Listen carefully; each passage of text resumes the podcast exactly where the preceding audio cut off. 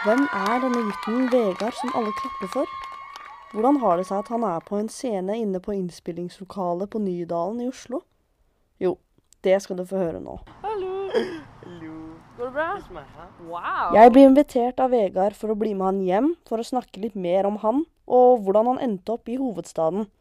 Der fikk jeg møte hele kollektivet hans, og lite visste jeg at jeg også skulle bli servert middag før vi hadde intervjuet vårt. This is uh, Christopher, and this is Martin. Hallo. Oh my god, Jonathan. Hyggelig å møte dere. Jeg er Tingvild. Er det du som disker for middag, Vegard? Ja. Hva er det blir? Hæ? Hva er det det blir?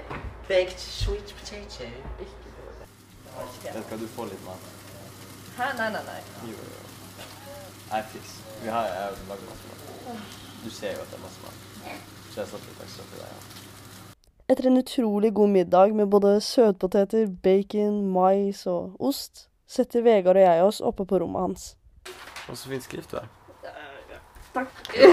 Gjør mitt beste. Etter at vi hadde satt oss til rette og skulle i gang med selve intervjuet, ville heller Vegard vise meg sine ferdigheter med skriving. Give me a piece of paper.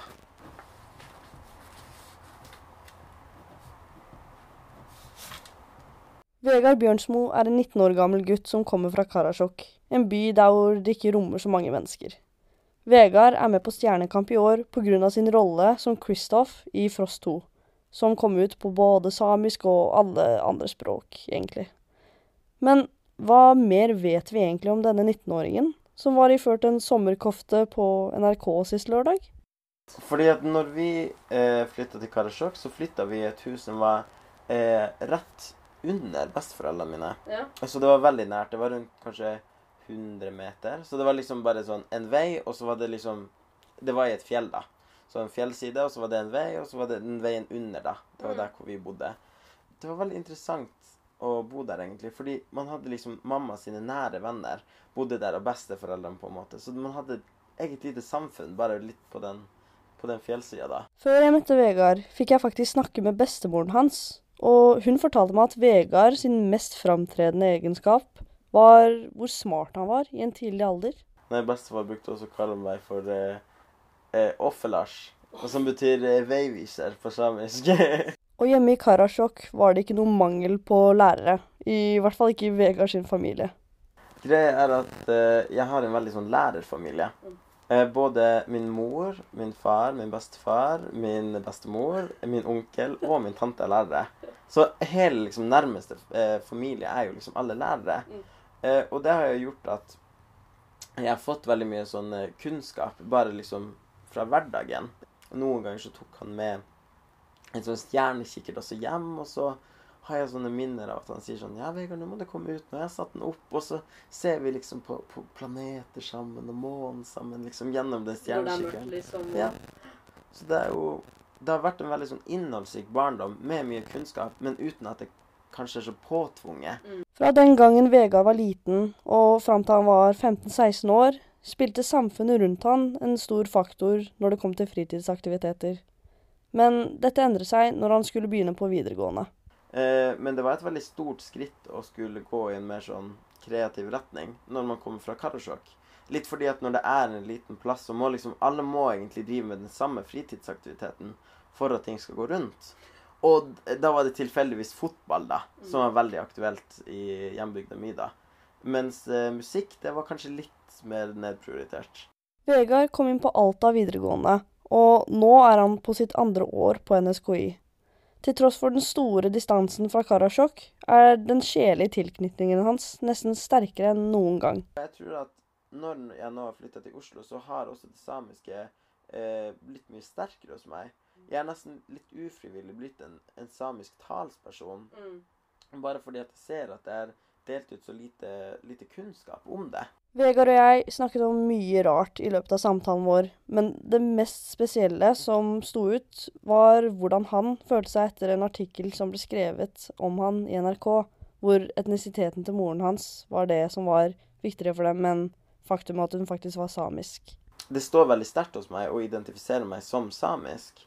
Eh, men så har man jo det med at min mamma er jo adoptert. Og det eh, krasjer jo litt med det at man skal være eh, jobbe for den samiske kulturen, da. Når man har de som er så konservative, som mener at det å være adoptert, det gjør deg ikke til en fullverdig same. Eh, men noen ganger så tenker jeg jo at det kan jo ikke jeg gjøre så mye med.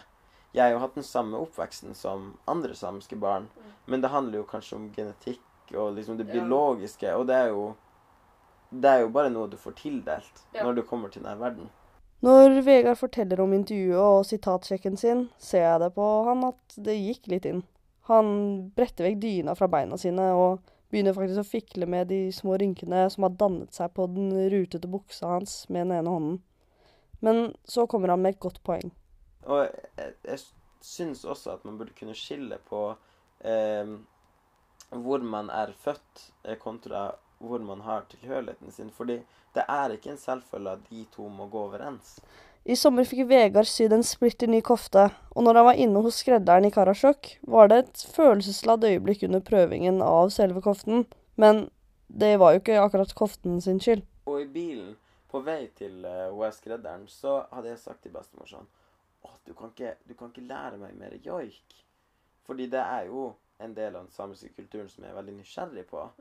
Eh, men- så var hun sånn Ja, jo, jeg kan jo noe, men jeg er ikke så flink. Men hos skredderen hun er veldig flink til å joike. Og så sier ah, men bestemor, du må jo Jeg har ikke lyst til at, at du skal lage meg en joik. Men vi kommer nå borti dit, og så velger bestemor å liksom ta opp det med at sånn Hei, du. Du Anne-Birt. Det, det er det hun heter. Så jeg, kan ikke du lage en joik til? Han er så nysgjerrig på den joiken. Da satte hun i gang, og så ble vi jo pratende om, joik også. Og så velger hun eh, å plutselig, plutselig bare slå om stemninga litt, hun, eh, hun Anne-Birte. Mm. Og så sier hun til bestemor sånn Ja, det er du som er eh, Machuper Johannes Kirste.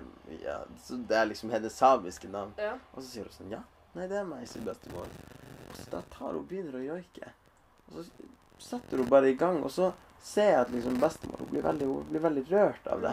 Og så skjønner jeg jo veldig fort at det er jo, det er jo min bestemor sin, sin mamma som blir joika nå. Så hun kunne melodien til min bestemor, min oldemor, da. eh, Som hun da satte i gang. Og den opplevelsen der, når vi var liksom i det der lille, eh, huset hennes på utsida av Karasjok, da, og hun begynner å joike min oldemor, det var, det var et veldig spesielt eh, øyeblikk. Hvor jeg liksom virkelig kom i møte med hvordan den samiske kulturen brukte å være. Tilbake inne på studioet på Nydalen sitter jeg og ca. 80 andre mennesker, alle satt i puljer for å vedlikeholde smittevernreglene. Og før alle artistene holder sine opptredener, så får vi instruksjoner av publikumslederen. Eh, Men det er viktig at det høres ut som det er sånn 120 her, selv om det er 80. Eh, hvis vi kan få til det, så er det supert. Da får vi testa litt åssen det er når vi får sluppet opp litt også etter hvert på koronareglene. Omsider er det Vegard sin tur, og han tar scenen med storm med sin tolkning av Elle, som eh, var skrevet av Mari Boine. Altså, jeg vet ikke hva som skjer i Finnmark. Åh, Vegard Bjørsmo, altså En stjerne er født. Eh, Jeg er sikker på at vi ser deg hele veien. Dette var nydelig!